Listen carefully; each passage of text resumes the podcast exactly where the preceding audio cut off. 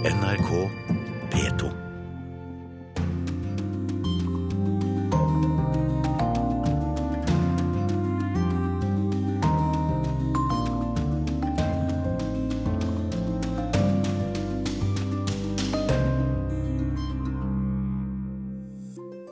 To egenrådige presidenter, Putin og Erdogan, står mot hverandre. Men er turkmenerne den egentlige grunnen til ordkrigen?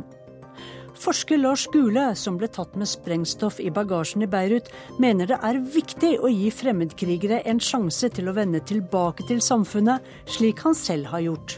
Hvis vi fordømmer folk til utenforskap eh, fordi de har gjort noe vi mener er galt, for evig og alltid, så har de heller ingen motivasjon til å tenke over hva de har gjort, eller å finne sin plass eh, i, eh, på en rehabilitert måte i, i samfunnet.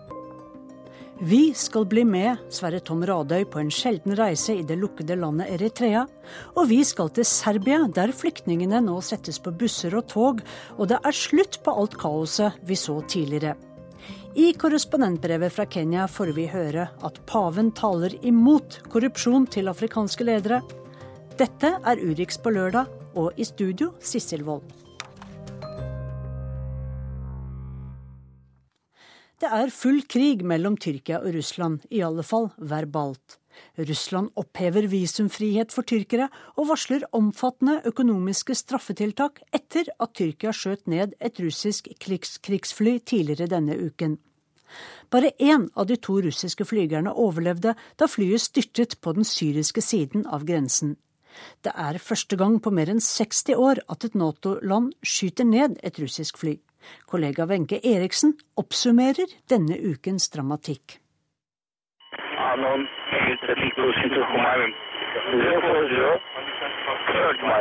Ja, det er skurrete og så utydelig at det til og med er vanskelig å høre hvilket språk det er. Men i det vel to minutter lange lydopptaket fra den tyrkiske flybasen Diyarbakir hører man noe på engelsk som blir gjentatt ti ganger. Dette er det tyrkiske luftforsvaret på vakt. Du nærmer deg tyrkisk luftrom. Endre kurs sørover umiddelbart.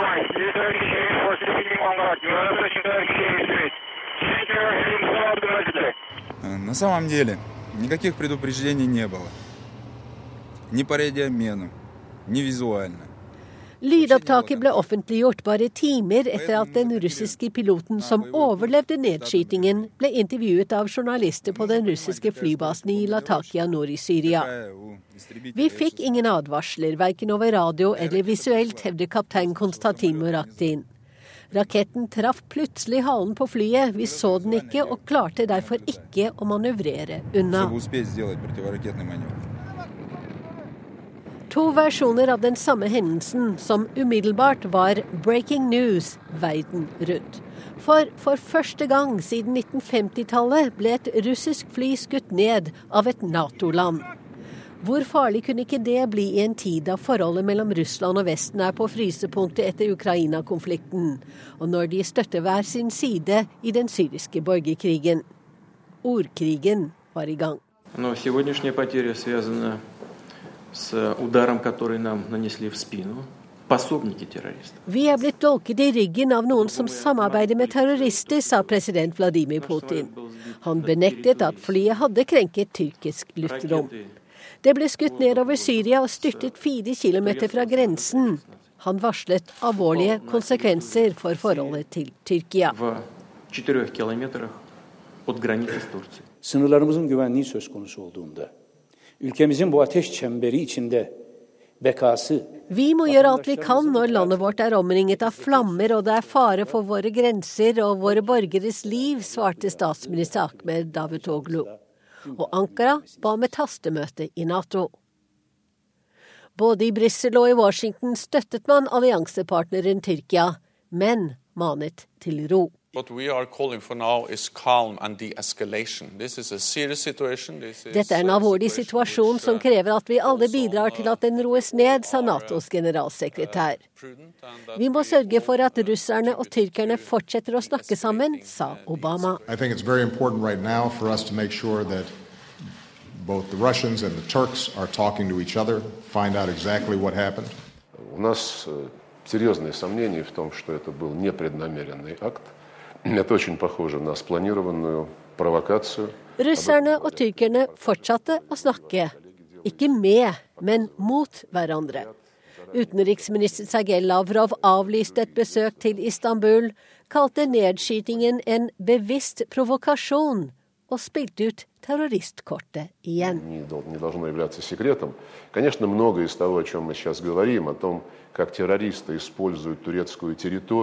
Det er ingen hemmelighet at vi bruker mye tid på å diskutere hvordan terrorister bruker tyrkisk territorium til å forberede sine operasjoner i Syria, sa den russiske utenriksministeren.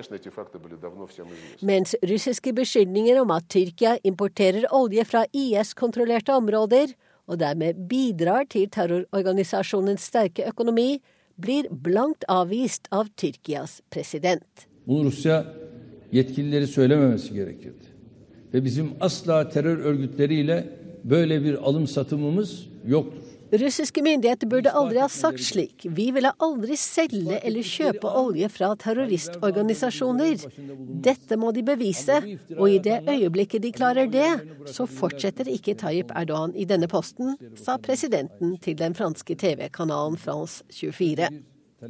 Erdogan nekter å be Putin om unnskyldning for nedskytingen, men innrømmer at den kanskje aldri hadde skjedd hvis tyrkerne hadde visst at jagerflyet som krenket deres luftrom en kort stund, var russisk.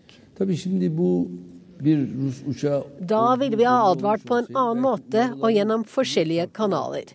Men slike krenkelser skal ikke skje, sier Erdogan. Russerne trapper nå opp sin militære kapasitet nordvest i Syria. De sender et avansert rakettforsvarssystem til sin flybase i Latakia for å øke sikkerheten til de russiske jagerflyene som flyr nær grensa til Tyrkia. De sier de ikke vil gå til krig mot Tyrkia, men ordkrigen, den fortsetter. Ja, verken Tyrkias president Erdogan eller Russlands president Putin ser ut til å ville gi seg og stipendiat i historie ved Universitetet i Oslo, Chala Kave. Du kjenner tyrkisk politikk godt, og hvem er det som har mest å tape på denne krangelen? Ja, altså Først og fremst så må vi se på hva det er å tape på den Nordkrigen, fordi det kan jo nettopp bli bare det. Eh, men det er klart at eh, skulle dette her få konsekvenser, eller mer alvorlige konsekvenser, så har eh, definitivt Tyrkia mer å tape, i og med at dette her jo foregår i Tyrkias bakgård. Ifølge nyhetsbyrået Reuters så har russernes bombing i stor grad rammet turkmenske områder inne i Syria. Og den turkmenske minoriteten i Syria er etniske tyrkere som deltar i kampen mot Assad. Tror du det er derfor Tyrkia skjøt ned det russiske flyet? Fordi at turkmenerne er etniske tyrkere? Det blir feil å, å, å, operere ut fra. For det første fordi det er en retorikk som Tyrkia har forsøkt å, å, markedsføre for å si det på den måten, etter, etter nedskytingen. Altså, Hvis de hadde hatt eh, den motivasjonen, så hadde de jo måttet gripe inn tidligere. Eh, det er jo ikke først nå at eh, Russland bomber turkmenere heller. Så det er nok i stor grad en, en retorikk som Erdogan og AKP anvender overfor hjemlig publikum i Tyrkia. Det er jo på samme måten. Her er det jo ganske interessant, fordi eh, Putin har jo også en slags sånn nasjonalistisk kort der, som eh, han spiller på på hjemmebane. Det er jo nettopp det at det er nærmere 2000 eh, tsjetsjenske krigere i, i, Syria. Som, det er jo russiske tall, dette her, da. Og Dermed så blir det på en måte at konflikten angår russerne også. Og det gjør jo ikke saken noe bedre at etter, etter Krim-affæren så har jo Putins eh, popularitet økt. Og det øker jo ikke mindre, kan du si, da, når, når slike episoder skjer og uh, russiske soldater dør, og det brukes i en, i en retorikk. da. Etter terrorangrepene i Paris for to uker siden, og etter at IS skjøt ned et russisk passasjerfly over Sinai, så har jo Russland og Frankrike og USA og Storbritannia funnet hverandre i en ny felles front, i en felles front mot eh, IS. Har Tyrkia falt ut av dette skal vi si, gode selskapet? Ja, det kan man si. Altså, dette her kommer jo veldig uforventa, og det ser jo ut som om eh, Altså, eh, bak nedskytningen må det ha ligget en politisk instruksjon. Det er jo sånn at Rent teknisk så er det eh, det tyrkiske luftforsvaret som eh, Og det er jo 17 sekunder det er snakk om, eh, den perioden hvor det, eh, det tyrkiske territoriet er blitt, eh, er blitt krysset. Eh, og i løpet av den tiden så er jo da Flyforsvaret i kontakt med MIT, altså dvs. Si Etterretningstjenesten. Og dermed så tas det en beslutning, og så skytes flyet ned. Men vi ser jo ut ifra Erdogans eh, uttalelser nå nylig eh, at, eh, at, man sier at dette her har skjedd i løpet av kort tid. Det er jo klart det var en litt annen retorikk til å begynne med, men nå er man på den at det, var, det skjedde for fort. Vi visste ikke hvilket nasjonsfly det her var. Prøver Erdogan å redde seg litt ut av dette? Ja, det gjør han vel. Men vi skal ikke overdrive den ordkrigen. fordi altså, eh, Eksempelvis så er uh, Russlands ambassadør fortsatt i, i, Tyrkia. Den er ikke blitt tilkalt hjem. Og Det må vi tolke som et, som et tegn på at uh, det diplomatiske forholdet ikke er brutt. Og Det er jo veldig viktig i en sånn alvorlig situasjon. Tyrkia er en viktig brikke både når det gjelder en mulig løsning, hvis man får til noe, når det gjelder borgerkrigen i Syria, men også flyktningkrisen. Det er helt klart. Og her kan vi se for oss en eh, eh motsetninger, interessemotsetning her. Fordi altså, På den ene siden så, så vi etter Paris-angrepene at eh, Vesten og Russland kom sammen. Eh, og jeg kan jo se for meg at Obama må ha revet seg i håret når han hørte om den nedskytingen. For det ødela jo litt av den konsensusen som oppsto i tiden etter Paris-angrepet. Så her er ikke Tyrkia helt på bølgelengde med, med de vestlige eh, allierte, kan man si. altså. Men de kommer kanskje tilbake til folden? Ja, det, det, vil jeg tro. Jeg tror ikke det oppstår en eh, tredje verdenskrig eller en kald krig igjen, som, som mange pessimister eh, foreslår. Altså 60% av oljas, av, av si, Tyrkias gass og energi for øvrig kommer jo fra Russland. Tyrkia var eh, des, eh, den turistdestinasjonen som flest eh, russere dro til i fjor. Altså Vi snakker om en handelsforbindelse på mellom 25 til 30 milliarder dollar årlig. Stipendiat i historie ved Universitetet i Oslo, Charla Kave, takk for at du kom i studio. Selv takk. Og nå er det akkurat kommet en melding om at tyrkiske myndigheter ber sine statsborgere om å ikke reise til Russland om det ikke er helt nødvendig.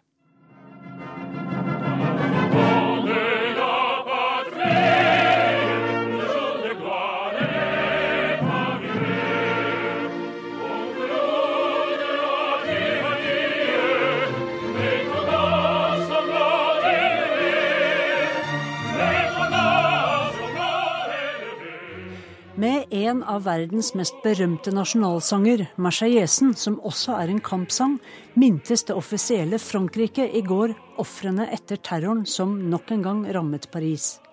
Denne gangen satte skrekken seg enda dypere, sier kollega Marit Kolberg, som også dekket angrepene i januar i år. Hun deler noen av inntrykkene etter at hun kom til Paris like etter selvmordsbombernes herjinger. Kvinnen i den grå jakka for sammen. Hun snudde seg og så seg forskremt tilbake, i min retning.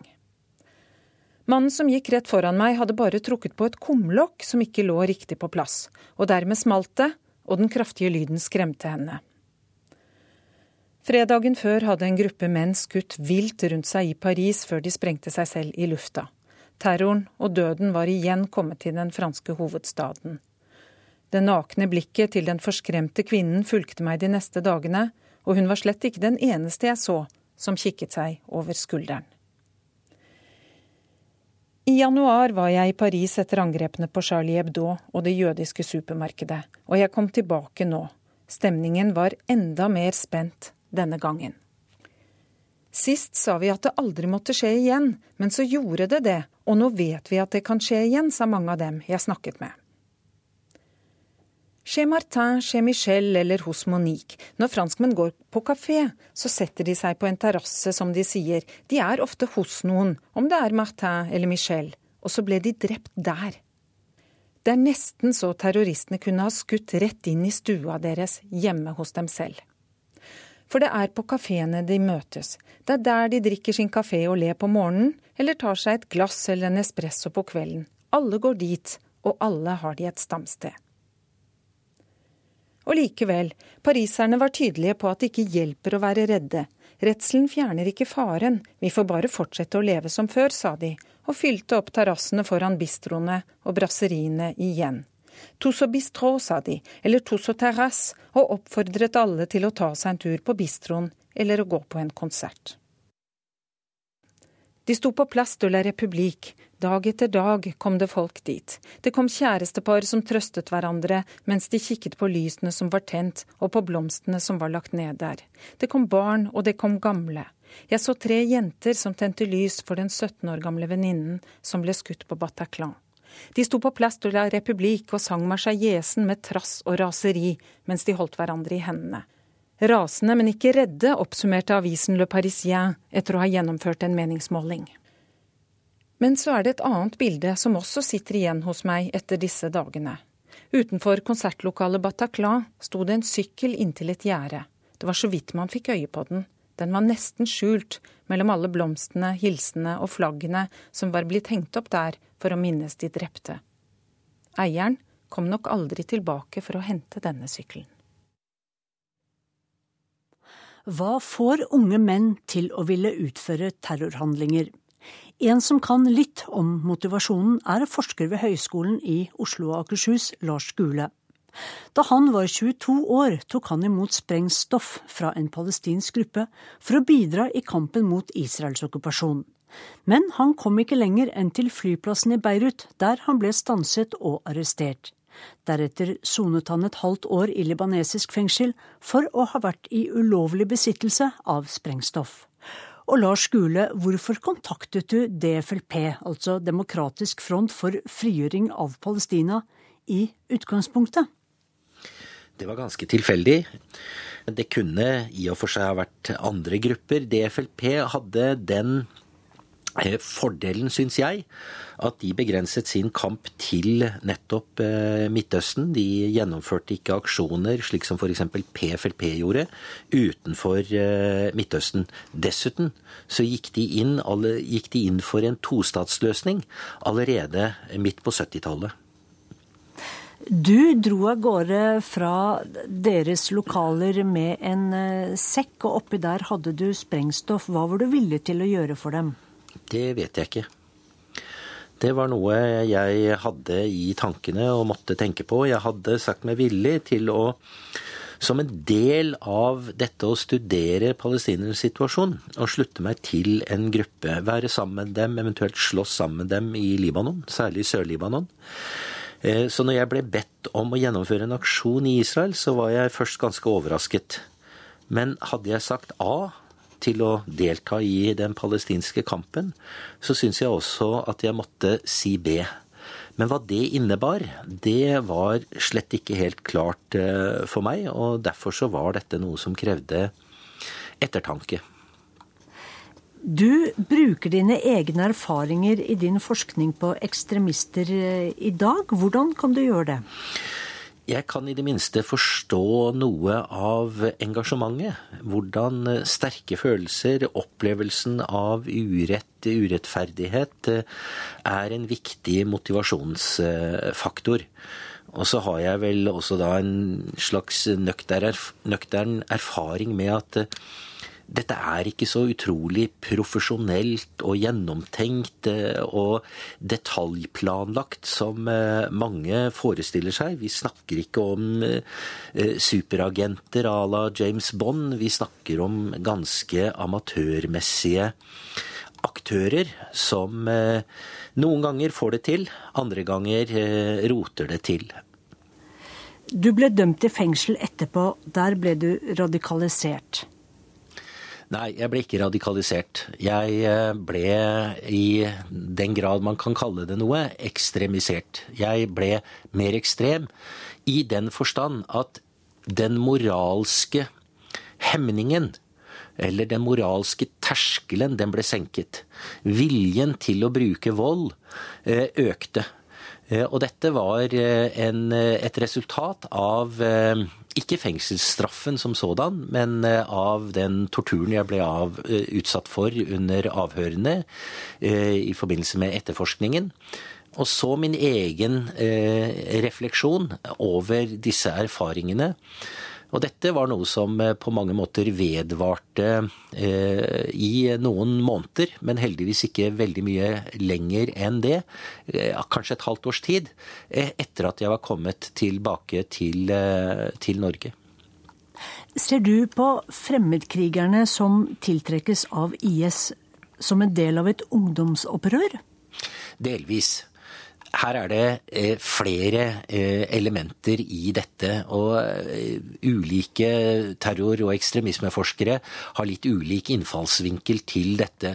Men det forskningen viser, er at det er et betydelig element av ungdomsopprør i dette.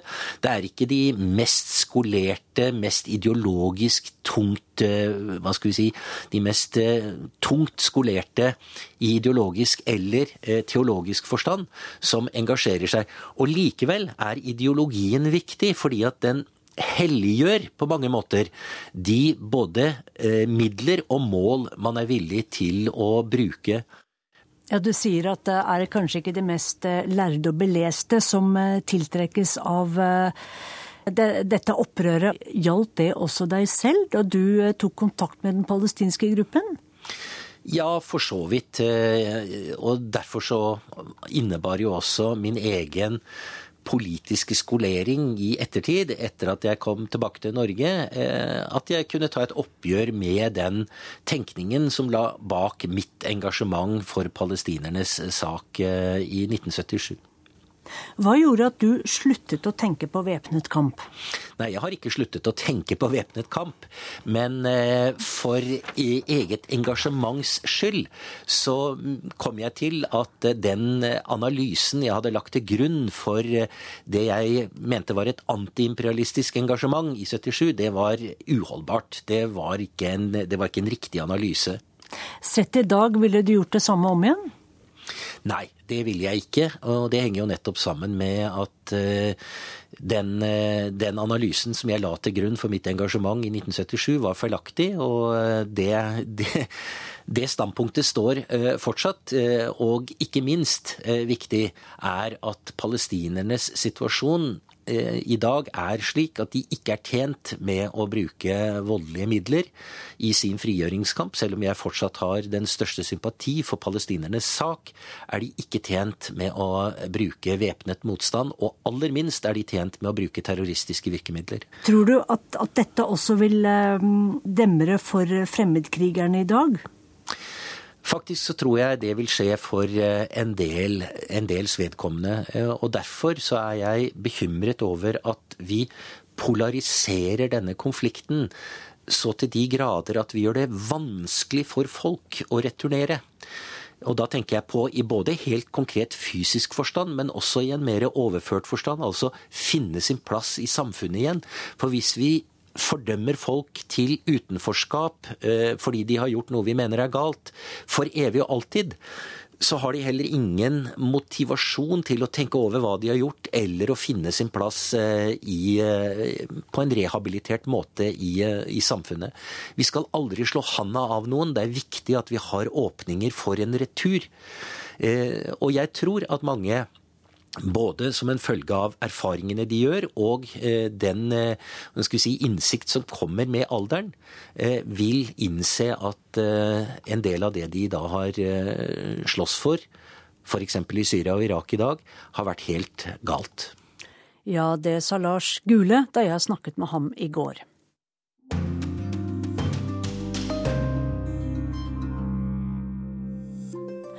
Du hører på Urix på lørdag her på NRK P2. Snart skal du få bli med vår Afrikakorrespondent på en oppdagelsesreise i Eritrea. Vi skal møte flyktninger på vei fra Balkan til Europa, og vi skal høre om den største miljøkatastrofen i Brasil i manns minne. Så til Eritrea på Afrikas Horn. Landet var lenge lukket for mediene, men som en av få kringkastere fikk NRK reise inn. Eritrea blir stadig kalt for Afrikas Nord-Korea, og har bare rundt tre millioner innbyggere. Allikevel har Eritrea vært det landet der flest afrikanske flyktninger til Europa kommer fra. Afrikakorrespondent Sverre Tom Radøy tok turen fra hovedstaden Asmara ned til Rødehavskysten.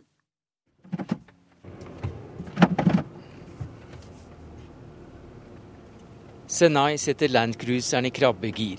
Det er bratt, litt sleipt i morgentåka, og bilen fra Camel bilutleie er ikke helt ny. Vi skal ned 2600 høydemetere med hårnålssvinger som får Trollstigen til å virke lettere triviell. Men Senai ser ut som han kan overleve alt. En farget Schwarzendegger på 1,93 med smale, svarte solbriller. En gammel kriger, han også. Han hentet oss før klokka var seks om morgenen. Hovedstaden Asmara var ikke våknet ennå. Vi kjørte forbi stengte barer og kafeer, Ristorante Roma, Café Impero. Et italiensk bysentrum med art deco-arkitektur på Afrikas Horn, der kafeene våkner når sola går ned. Men der ungdommen stumper praten rundt Fanta-flaskene og mikrofonen kommer fram. Der sitter de unge, og det er de som drar. Myndighetene mener FNs tall på mellom 3000 og 5000 flyktninger i måneden er overdrevet. At det er mange etiopere og sudanesere som skryter på seg eritreisk bakgrunn for å få opphold i Europa.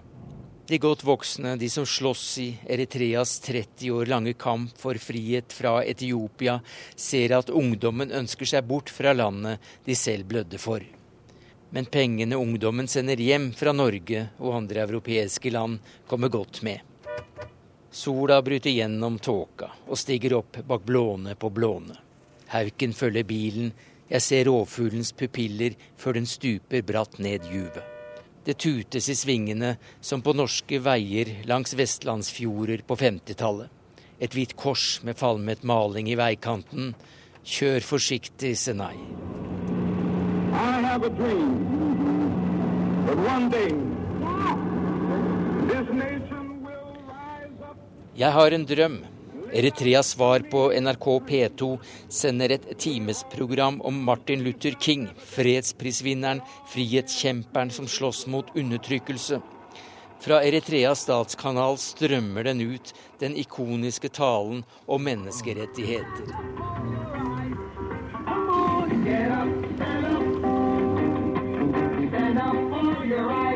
Talen tonefølges av Bob Marleys oppfordring til å stå opp og kreve sin rett.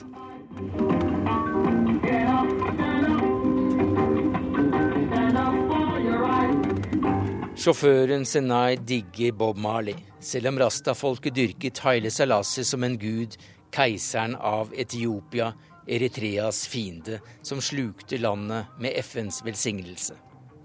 Rastaflettet var et kjennemerke for frigjøringshæren. Krigerne var kule helter for en hel generasjon vestlige revolusjonsromantikere og nordmenn opptatt av internasjonal solidaritet. Sjåføren bretter opp skjorta og viser et arr etter kulehullet nær bicepsen, men nekter når NRKs fotograf Lutta vil filme arret i armen. Utenfor er bratte fjell og grønne åser med striper. Terrasser bygget opp av små og store steiner fra dalbunnen der nede til toppen her oppe. Millioner av stein bare her. Noen ungdommer langs veien selger søtt kliss og kaller det te. Koppen er halvfull av sukker. Jeg peker på steinarbeidet. National Service, sier de. Nasjonaltjeneste. Unge mennesker har lagt stein på stein for å hindre jord og grus i å rase ned dalbunnen. Et nasjonalt kjempeløft for å hindre erosjon, ifølge myndighetene. Andre kaller det tvangsarbeid. Denne forhatte ordningen som binder ungdommen til å jobbe for staten på ubegrenset tid, med en månedslønn helt ned mot ti dollar. Ingen kan leve av det, og ungdommen vil ikke leve med uvissheten om hvor lang tid tjenesten kan vare. To år, ti, kanskje 20. Eritreere topper stadig statistikken over både druknede afrikanere i Middelhavet og afrikanere som kommer seg levende til Europa. Myndighetene mener flukten skyldes at eritreere ganske automatisk og ufortjent får opphold og flyktningstatus. De kaller det for dra-faktoren. Ungdommen dras ut av landet. Regjeringen har noen konspiratoriske resonnementer om at landets fiender, Etiopia og USA, står bak for å tappe Eritrea for arbeidskraft og soldater men innrømmer samtidig at nasjonaltjenesten er så upopulær at mange drar også av den grunn. De som drar, frykter fengsling og tortur om de sendes hjem. Myndighetene kaller det oppspinn og viser til at mange kommer tilbake på ferie. Etiopia har skylda. Etiopia tror grensene, sier myndighetene. Det er en slags unntakstilstand, så staten trenger både billig arbeidskraft og en stor hær. Lærere, servitører, byråkrater, journalister, alle som er ganske unge, jobber for staten, for en luselønn, uten å vite når de blir dimittert, så de kan komme seg videre og forme sine egne liv. For mange har lyset slukket i den andre enden av tunnelen. De vil bort. Fredsprisvinneren talte om Mississippi, men drømmen om at ens eget land skal bli en oase av frihet og rettferdighet, slik skrevet står, kjenner ingen grenser. Ingen private mediehus her i landet heller, men fritt fram for all verdens internettsider og TV-stasjoner. Parabolantennene sitter tett og skjemmer ut Asmaras vakre bygninger. Folk kunne se BBCs kritiske reportasje om landet på barer og kafeer. Folk har fri adgang på nett til den drepende rapporten om tortur og undertrykkelse som FNs menneskerettighetsorganisasjon kom med i mai.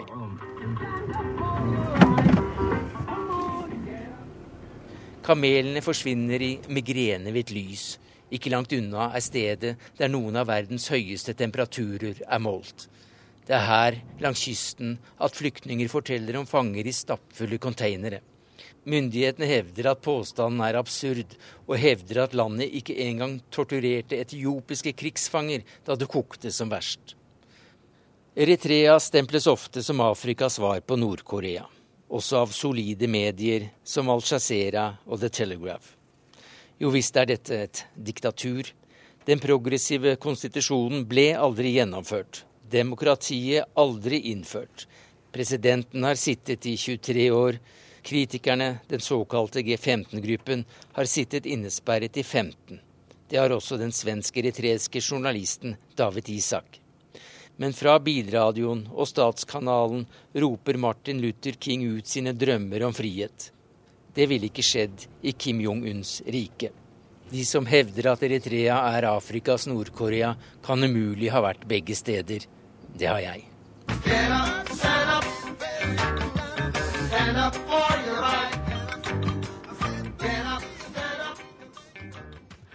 Og det blir mer fra Eritrea i Søndagsrevyen på NRK1 klokken 19 i kveld.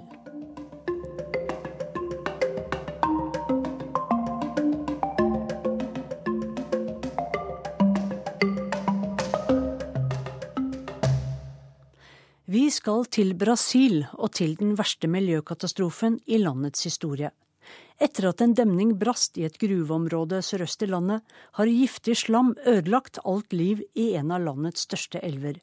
Slammet har de siste dagene også strømmet ut i Atlanterhavet, og kritikken er voldsom mot de ansvarlige. Arnt Stefansen rapporterer fra Rio de Janeiro. En ansatt i gruveselskapet Samarco fanger opp de dramatiske sekundene da katastrofen blir utløst. En demning gir etter i et av Brasils største gruveområder, og enorme mengder slam og avfall fra produksjonen strømmer ut. Slambølgens første offer er landsbyen Bento Rodriguez like nedenfor gruveområdet. I løpet av minutter er hjemstedet til rundt 600 mennesker forvandlet til et gjørmehav. Elevene ved skolen redder så vidt livet. Læreren kom og ropte at vi alle måtte løpe fordi demningen var ødelagt, forteller den ni år gamle Millie. Vi var alle fryktelig redde, og nå er vi veldig triste og vet ikke hvordan livet blir sier hun. Og langt fra alle var like heldige som skolebarna. Nærmere 30 mennesker ble begravd av slambølgen, og mindre enn halvparten av dem er funnet. Bento Rodriguez ligger rundt 25 mil nord for Rio de Janeiro i delstaten Minas Gerais. Og fra den ødelagte landsbyen fortsetter bølgen av slam og tungmetaller, og den ødelegger alt på sin vei før den havner i Rio Dose, den store elven som renner gjennom området. Fra nå av er ulykken blitt en nasjonal miljøkatastrofe.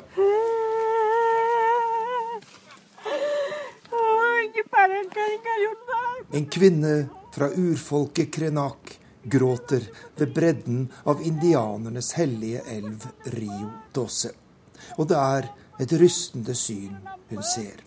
Elvevannet er brunfarget av industrislam, og i vannkanten flyter død fisk med buken i været. For indianerne og andre som lever av elven, er dette et knusende slag. Og folk i området raser mot de ansvarlige gruveselskapene, australske BHP Billiton og brasilianske Vale. Dere er noen drittsekker, sier fiskeren Fabio Dominguez, som har lagt ut en video med bilder av elven på YouTube. Og Brasils rettsvesen er noen drittsekker, de også. Disse selskapene er forbrytere som ikke bare har tatt livet av elven vår, men som også er ansvarlige for mange menneskers død, sier fiskeren ved elven Rio Dose. Eh, certamente a maior, maior desastre ambiental do país. Dette er med sikkerhet den største miljøkatastrofen Brasil har opplevd, sier landets miljøminister Isabella Teixeira. Det kan ta 30 år bare å rense elven Rio Dose, og vi snakker om enorme erstatningskrav til de ansvarlige, sier ministeren. Foreløpig er de to gruveselskapene pålagt å betale rundt en halv milliard kroner i erstatning, men myndighetene sier at dette på langt nær er nok. De siste dagene har det brune slammet fra ulykken i Minas Gerais nådd utløpet av Rio Dosse og strømmer nå ut i Atlanterhavet. Det har gitt Brasils miljøkatastrofe et globalt perspektiv, samtidig som søkelyset nå rettes mot årsakene til ulykken og mot gruveindustriens tette bånd til de mektige i brasiliansk politikk. Det er bl.a. avslørt at selskapene har fått enorme bøter de siste årene, men at mindre enn 10% av beløpene er betalt.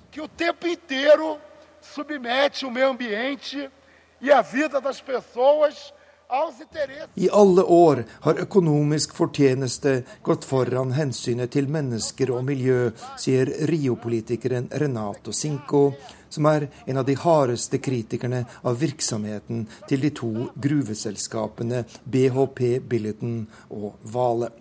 Disse selskapene har ikke engang iverksatt de mest grunnleggende sikkerhetstiltak.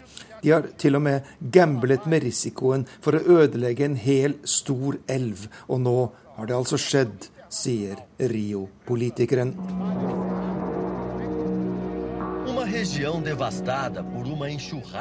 Miljøkatastrofen her i det sørøstlige Brasil dominerer mediene tre uker etter gruveulykken.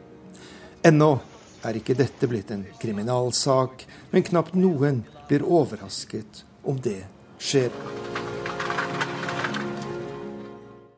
Og BBC melder at minst 13 mennesker er omkommet i denne miljøkatastrofen til nå.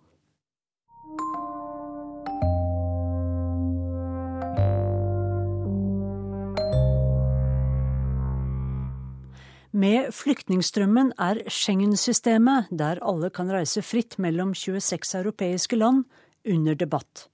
For mens EU-landet Ungarn har stengt grensene sine, har Tyskland åpnet for å ta imot 800 000 asylsøkere i år. Da Ungarn bygget et gjerde langs grensen for en måned siden, oppsto kaos ved overgangene til Kroatia og Slovenia. Men nå er det satt opp busser, tog og teltleire for å gjøre transporten så smertefri som mulig for alle flyktningene. Reporter Roger Severin Bruland besøkte nylig en rasteplass i Serbia, der tusenvis av flyktninger og migranter ventet på transport nordover.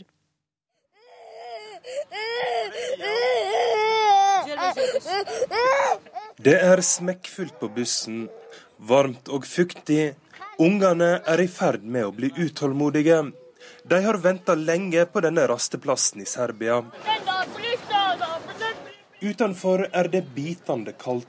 Frivillige organisasjoner er på plass for å tilby hjelp. Unicef, UNHCR og Leger uten grenser, for å nevne noen. Leger uten grenser har klinikk, og nå har de kjøpt norske plasthaller for å huse de reisende om vinteren, forteller prosjektlederen. It's not a permanent shelter, it's not to install a camp, it's really to cover the needs in case that too many people are coming at the same time and they cannot move uh, soon as soon as they want. So just prevent people from freezing to death? Exactly, and uh, to prevent also that uh, medical issues become worse. 5000-7000 mennesker stopper her hver dag, men nå minker det, forteller hun. Uh, now it's slowing down a little bit. There are a bit less people um, because there have been some uh, limitations of the, the passage. Årsaka til dette er at den slovenske regjeringa har beslutta å nekte å ta imot det de kaller økonomiske migranter. De lar bare personer fra Syria, Irak og Afghanistan slippe gjennom. Dette har forplanta seg sør til grensa mellom Makedonia og Hellas. Der står det nå tusenvis av mennesker fast. For de som slipper gjennom, er reisa nå organisert med buss og tog. Men det er mye venting. Først her på grensa til Kroatia. Så er det venting i Slavonski Brod, en by i Kroatia på grensa til Bosnia. Så går ferda med tog til Dobova i Slovenia. Her var det kaotisk for en måned siden. Folk vassa over bekkefar i gjørma. Det var enorme folkemengder. Nå har slovenerne rulla ut piggtråd og laga et to meter høyt gjerde av såkalla barbed wire. Jeg tester hvor skarp den er med en boks. Ja, det er litt eh, action i den her. Men noe særlig hindring er det vel egentlig ikke, for du kan du ser her, du kan bare trakke ned det her. Gjerdet er vel egentlig mest symbolsk for å vise at en ikke skal eh, krysse her. Hvis vi husker for en måned tilbake, så ser vi elva der. Det var jo der folk kom vassende over. Så gikk de over eh, marka her. Og uh, vi husker dronebildene. Det gikk en, en, stor karavane med folk. I Dobova er det laga til en leir der folk får seg litt mat. Og de blir registrert, forteller politiets talsmann Robert Pertz. As soon as they come here, they are receiving the humanitarian and medical aid. Afterwards, the police processing, like security checks and uh, registration process, and then their way to one of these stands uh, for the transport. Usual waiting time here is from three to six hours. Flyktningstraumen kom som et sjokk på Slovenia. Det skjedde svært brått etter at Ungarn gjerda inne si grense. Og kroatiske busser bare dumpa folk på grensa. Fremdeles er dette det største samtaleemnet i landet med knappe to millioner innbyggere. Høyreradikale aviser hevder at den slovenske kulturen står i fare for å bli utrydda av muslimer. Landet har hittil innvilga 64 asylsøknader. Men i Dobova-leiren er folket glade. De forteller de blir behandla bra. I motsetning til Makedonia, der de fikk juling når de kryssa grensa. But the police of Macedonia was bad. The police in Macedonia? Yeah. I Slovenia blir flyktningstrømmen splitta opp i tre retninger. Trolig for å unngå store opphopinger av folk.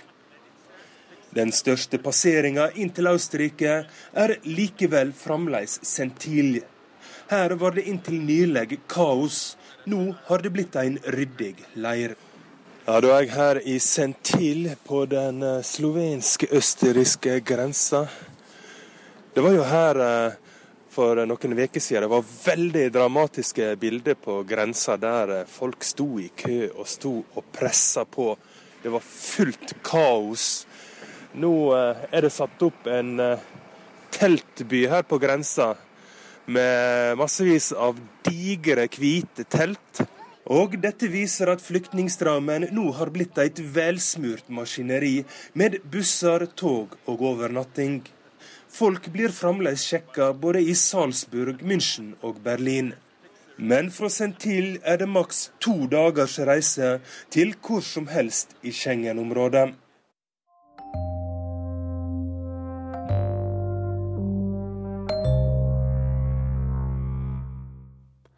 Denne ukens korrespondentbrev er skrevet av Kristine Presttun, en av våre to Afrikakorrespondenter. Hun er bare 16 år og ligger sammenkrøpet på den tynne stråmatta. Murgulvet er møkkete, hun ynker seg. Jeg er på Chisovondo helsesenter på landsbygda i Malawi og er fortvilet over at denne jenta Jennifer ikke får den hjelpen hun trenger. Det er bare to sykepleiere som jobber her, men de kan ikke operere, og jenta kan få store skader, kanskje dø om hun ikke får keisersnitt. Sykepleierne vil sende henne til et større sykehus, men det finnes ingen ambulanse, heller ikke penger til drosje. Noen har sveket denne 16-åringen, og det er ikke moren hennes, som sitter ved hennes side med dype bekymringsrynker i pannen. Malawi, kalt Afrikas varme hjerte. Landet ligger uten kyst sørøst på kontinentet, men har Lake Malawi, Afrikas tredje største innsjø, der varme dønninger slår inn mot kritthvitt sand. Fiskerne løser opp garnfloker når vi går forbi, Sanden kiler mellom tærne. Mosambik skimtes på den andre siden. Folk flest her er ikke fiskere, men bønder der ute på de tørre åkrene. De lengter etter regn slik at de kan så maisen som skal fø familiene. Det er ikke sikkert regnet kommer, da blir det ikke mat nok. Sulten gnager allerede i små barnemager. Halvparten av befolkningen er under 15 år. Det er langt fra de som står der og hakker i knusktørr leire i den stekende sola, og Jennifer her på murgulvet, til politikerne i den moderne parlamentsbygningen i lysegrå stein. Malawi fikk storstua i gave fra Kina for fem år siden. Kineserne sørget for egen presidentsuite og aircondition. Noen av dem som går i de kjølige korridorene der det er godt å være, stjeler. De tar penger som helsesenteret der Jennifer ligger, kunne trengt. Korrupsjonsskandalen kalles Cashgate. 280 millioner kroner ble stjålet, mens Jennifer ikke har penger til en taxi til et større sykehus. Saken er som hentet fra en dårlig kriminalroman, med drapsforsøk og kofferter fulle av penger. I kjølvannet av skandalen har store givere som Norge holdt tilbake bistand, Støtten til statsbudsjettet på flere hundre millioner kroner ble umiddelbart frosset. Resultatet av korrupsjonen er ei ung jente som vrir seg i smerte på stråmatten, uten håp om transport til et sykehus som utfører keisersnitt. Korrupsjon er Afrikas fremste sykdom, sier drosjesjåføren, som tar oss med rundt i hovedstaden Lilongve. En sykdom som fortærer oss innenfra. Ordene minner om pavens budskap da han besøkte Kenya denne uka. Fra Malawi dro jeg nærmest rett til presidentboligen i Nairobi for å dekke besøket til Guds stedfortreder på jorden, den katolske kirkens øverste leder. I et rommelig partytelt i presidentens hage gjorde nervøse kelnere klart samosas og søtpoteter som skulle tilbys de prominente gjestene. Pave Frans er på sin første reise til Afrika, en reise som har blitt møtt med store forventninger av mange. Det er nesten 50 ganger så mange katolikker i Afrika som det er innbyggere i Norge. Paven ble mottatt som en rockestjerne av folk langs veien inn fra flyplassen. Men da St. Peters arvtaker entret talerstolen i partyteltet, var det en beskjeden eldre mann som tok ordet. Han snakket lavt og sakte. På første rad satt tre generasjoner kenyanske presidenter, Moi, Kibaki og Kenyatta. Selv hadde jeg ventet i fem timer på dette øyeblikket, men nå sto jeg utenfor teltet og prøvde å få teknikken til å fungere. Jeg skulle være med direkte i en nyhetssending på TV, men senderen, som hadde virket for en time siden, virket ikke lenger. Noen hadde sørget for å legge et usynlig sikkerhetslokk over presidentens hage, nettet var nede. Men jeg fikk så vidt med meg at paven sa at det er ungdommen som er nasjonens mest verdifulle ressurs. og at den beste måten å sikre fremtiden på, er å beskytte dem, investere i dem og tilby dem en hjelpende hånd. Paven har forstått at dette er en avgjørende tid for kontinentet. Gjennomsnittsalderen sør for Sahara er 19 år, verdens yngste befolkning. Ungdommen er Afrikas største potensiale, om forholdene legges til rette. Men hvis de politiske lederne ikke gir ungdommene noe å leve av og for, da kan dagens bølge med innvandrere bare være en krusning i forhold til tsunamien av unge mennesker som vil risikere alt for en bedre fremtid. Arbeidsløshet og fattigdom gjør ungdommen også til mål for de som tilbyr noe å dø for. Ekstremistiske islamistiske bevegelser på kontinentet, som Boko Haram og Al Shabaab, lever godt på unge menns dype frustrasjon. De kan lokke med penger, piker og en ideologi. Det er ikke sikkert pavens budskap gikk helt hjem hos toppfolkene på de fremste radene. Også i Kenya er det tett mellom korrupsjonsskandalene. Karikaturtegneren i landets ledende avis lar parlamentarikere konsekvent framstå med grisetryner og kofferter sprengfulle av pengesedler. I hele høst har korrupsjon preget førstesidene. Den kreative bokføringen har ingen grenser. Embetsmenn bokfører fyllepenner til 760 kroner per stykk, trillebårer til 8600 kroner. Morgen etter var det tid for messe, vi måtte møte før fem, veiene var avstengt. I troperegn bar jeg tungt på kamerastativ, paraply, proviant, fotoapparat og radioopptaker. Det var langt til universitetet der paven skulle tale.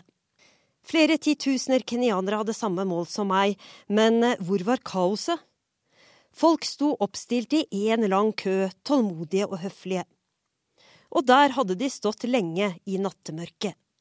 Ikke ble de irriterte heller, da jeg, en mosongo, hvit utlending, viftet med det gule pressekortet og gikk forbi køen. Også her valgte paven å henvende seg til de unge. Det er deres ansvar, sa han, å skape et mer rettferdig og inkluderende samfunn. Jeg sto der i folkehavet og hørte hva han sa, men tenkte på jenta på sykehusgulvet i Malawi. Det er ikke lett å ta ansvar hvis de som har makten, svikter totalt. Så dro paven ut til slummen i Kangemi. Han sto mellom blikkskurene i stanken fra åpen kloakk, og beskrev urettferdigheten de fattige blir utsatt for som den nye kolonialismen. Og da 78-åringen litt senere møtte flere tusen ungdommer på en fotballarena, ba han dem innstendig om å styre unna korrupsjon. Korrupsjon er som sukker, sa paven.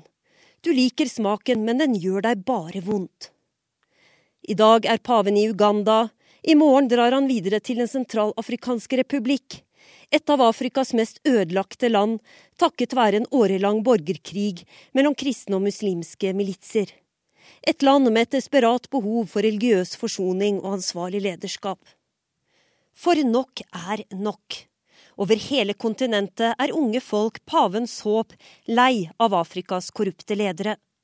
De ser til det vestafrikanske landet Burkina Faso og finner inspirasjon. Der jaget millioner av unge mennesker. Diktatoren året ut av landet da han ville ha en ny maktperiode etter 27 år som president. I høst tok presidentens lojale garde makten tilbake i et kupp. Men etter press fra andre afrikanske ledere og landets egen hær ga garden opp. I morgen skal Burkina Faso ha sitt første demokratiske valg. Et bevis for Afrikas utålmodige ungdom at det nytter. Jennifer ligger på en tynn matte på et møkkete, umalt gulv. Hun skal føde nå, men noe er galt. Sykepleierne vil at hun skal dra til sykehus med leger som kan operere, men jenta har ikke penger til drosje. Jeg kjente på avmakten vi journalister kan oppleve i møter med mennesker som har det forferdelig. Vi har så lite å tilby. Hva betyr vel en TV-reportasje i Norge for denne jenta? Trolig ingenting et par hundrelapper derimot. Jeg tok kontroll over historien jeg egentlig bare skulle skildre, og betalte drosjen til nærmeste sykehus. Men der hadde de heller verken kompetanse eller utstyr til å utføre keisersnitt. De hadde riktignok en sykebil, men ikke penger til bensin. 200 kroner til, og så var ambulansen på vei til det største sykehuset i distriktet. Den natten sov jeg dårlig. Jeg visste hun ble operert, men ikke hvordan det ville gå. Tidlig neste morgen besøkte jeg henne. Hun lå der i sykehussengen med ei nyfødt, frisk datter ved brystet. For første gang så jeg 16-årige Jennifer smile. Hun ville at jeg skulle gi barnet et navn. Jeg ringte mannen min og spurte hva han syntes om Hope. Visstnok et ganske vanlig navn i Malawi. Men Hope er et guttenavn, sa Jennifer, og valgte selv et navn for datteren. Hun ba meg holde barnet, så løftet jeg lille Kristine.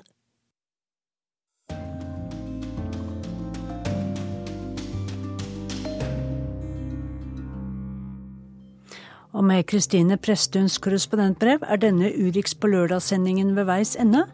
Om du vil høre den eller tidligere sendinger eh, om igjen, ligger de på NRKs radioapp på en smarttelefon nær deg. Eller du kan høre på en kortversjon av sendingen klokken 16.40 i NRK P2.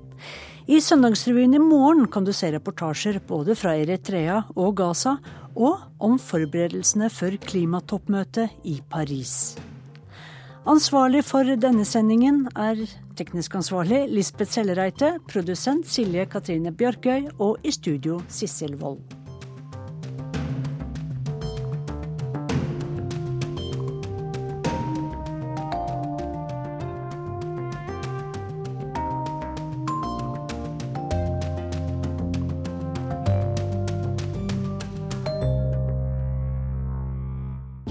Hør flere podkaster på nrk.no podkast.